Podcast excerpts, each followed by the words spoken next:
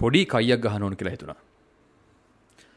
මට අද කයිය ගහන්න ඕන ජැක්සන් ඇන්තනී ගැන.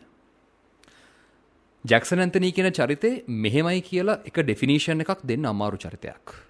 මං ගත කරපු ජීවිත කාලය ඇතුලේ විවිධාකාර විදිහට මම ජැක්සන්ව දැකලා තියෙනවා. ඒ අතීත මතකවලින් ගොඩක්ම තියෙන්නේ ජාතික රූපවාහිනී.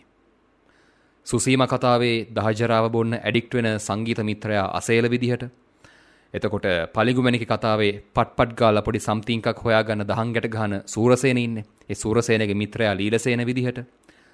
කන්දගෙදර, කඩුල්ල, පිටකංකාරයෝ වගේ රියල් ටෙලි කතාවල ජයන්ත චන්දසිරිගේ පර්යේෂණාත්මක නිර්මාණවල හැමදාම ඉන්න හෙවි ඩියුටි කාස්ට් එකේ අනිවාර්ය නළුවෙක් විදිහට ජැක්සන් ඉන්නවා.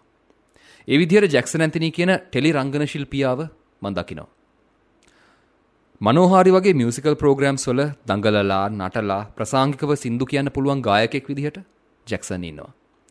ජැක්සන් ඇන්තනි කියන ගායකයාව මම දකිනවා.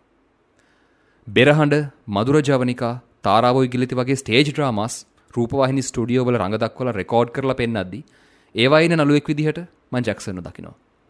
ටෙලියට කලින් මං ඉපදෙන්නත් කලින් ස්ටේජ් එකේ ජැක්සන් කියලා රංගන ශිල්පියෙක් හිටියා කියන එක මම දැනගන්නවා. ජැක්සන් ඇන්තනී කියන වේදිකා රංගන ශිල්පියාව මන් දකිනවා. නොදැනුවත්වම පොඩි කාලේ ඉඳලා නිතර දෙවේලේ පෙනුණු මිනිස්සෙක් විදිහට මේ උඩු රැවුලක් තියෙන පොකුටු හෙයා ස්ටයිල් එකක් තියෙන උස කෙට්ටු මිනිස්සයා මගේ හිතේ ඉඩක් කරගන්නවා. තව ටිකක් මං ලොකු වෙනකොට දැනුම් තේරුම් එනකොට ජැක්සන්ව පේන්නේ හොඳට බස හසුරුවන පෝරකෙක් විදිහට. එතනදී ජැක්සන් ඇන්තනී කියන සම්ප්‍රවේශකයා මන් දකිනවා.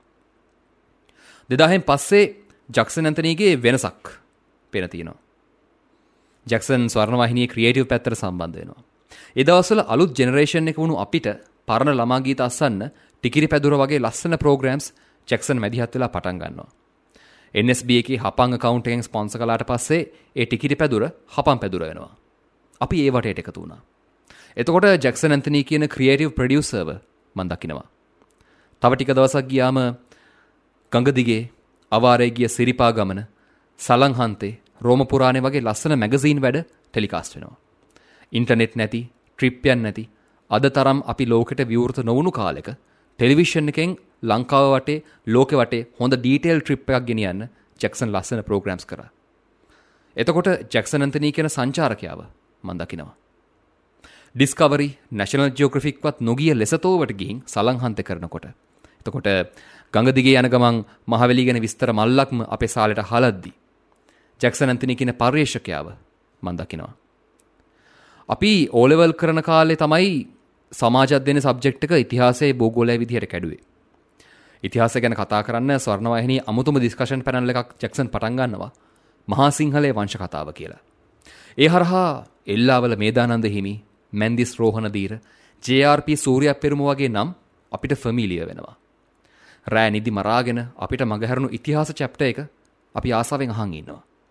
ජැක්සන් ඇන්තනී කියන සම්ප්‍රවේශකයා පර්යේෂකයා එක්කම ඉතිහාසය ගැන උනන්දු වෙන පුද්ගලයාවත් මම දකිනවා.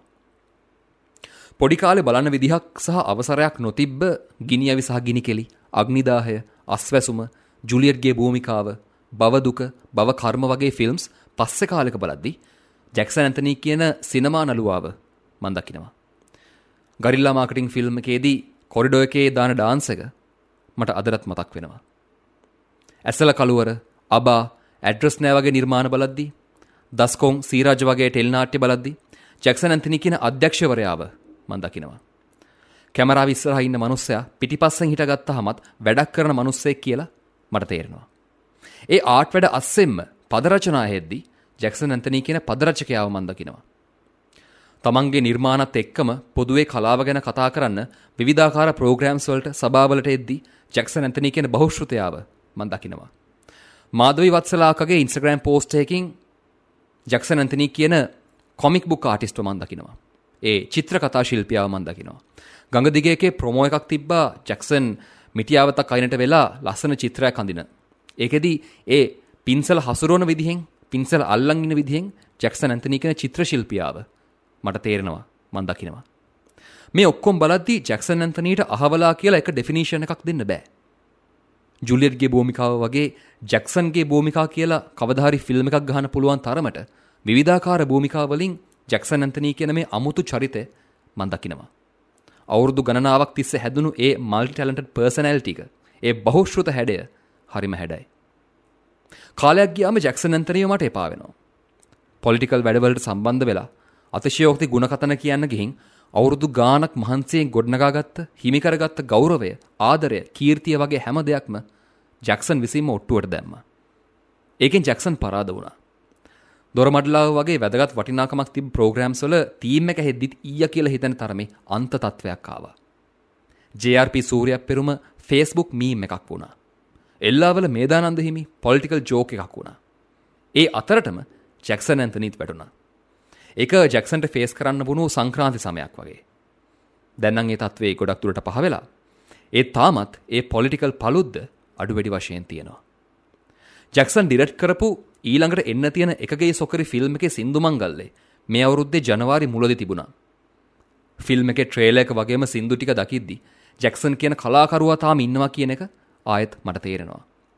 ජැක්සන් ඇන්තනී ලංකාවේ ආර්ට් වෙනුවෙන් ආටිස් කෙනෙක් විදිහට කරපු කරන දේවල් ගැන තාමත් ඇදක් දොසක් කියන්න තියෙන තැන් අඩුයි. ජැක්සන් කවදාවත් වාසනාව විශ්වාස කරන්නේ නෑ. ඒත් මං හිතනවා ජැකා හරිම ලකී මනුස්සෙක් කියලා. වෙන මොකක්වත් හින්ද නෙවෙයි. හරි කාලේ හරිම මිනිස්සුන්ගේ ආශ්‍රය ජැක්සන්ට ලැබුණා. ඒ හම්බුණු ආශ්‍රය හරියට පාවිච්චි කරලා තමන්ගේ ආර්ට් එක ජැක්සන් තවත් පොලිෂ් කරගත්තා. තරුණ ජැක්සන්ට තිබුණු ඒ බහුශ්ෘත ඇසුර ගැන මට හරි මිරිසියයි. අපේ ජෙනරේෂන් එකට ඒ බහුශ්ෘත ඇසුර කතාබහ මතගට්ටනේ නැතිකම ලොකු අඩුවක්. පනාපුත්‍රගේ මතකවස්තුව එක හුස්මට කියවන් යද්දි. කන්දෝඩගින්දර පරිස්සමට සාවධානින් කියවන් යද්දි. ජැක්සන් ඇන්තනී කියන ලේඛකයා එලියටාව මදිනේද කියලා මට හිතෙනවා. මෙතනින් එහාට ජැක්සන් ඒ ගැන හිතයි කියලා මං හිතනවා. කවදත් තරුණ ජැක්සන් දැන් අප්ඩේට් වෙලා තමන්ගේ නමින්ම YouTube channel එකක් කරනවා. ඩිජිටල් පලට්ෆෝර්ම් එක තමන් උගත්දේ ආකයිව් කරන එක ඉතාම හොඳ වැඩක්. ලොවින් එකෙක් එක් දේකට වෙයි සමත කියන රාමුගත වදන තප්පරයක් තප්පරයක් පාස කෑලි කරලා දාන ඒ හිතුවක් කාර මල්ටි ටැලන්ටඩ් පර්සනැලිටිකට රාගම පොඩිවී කුමුරේ පනාපුත්‍ර කුහුඹ පැණියාට ජැක්සන් ඇන්ට් හනීට තමුසරං මාර පොරක්කෝයි කියලා කවදහරි මූන්ටම කියන්න ඕන කියලා මට හිතෙනවා. ඒ තමයි ජැක්සන් ඇන්තනීව මන් දකින විදිහ. ගිහින් එනම් තවත් දවසක මුණ ගැහෙමු.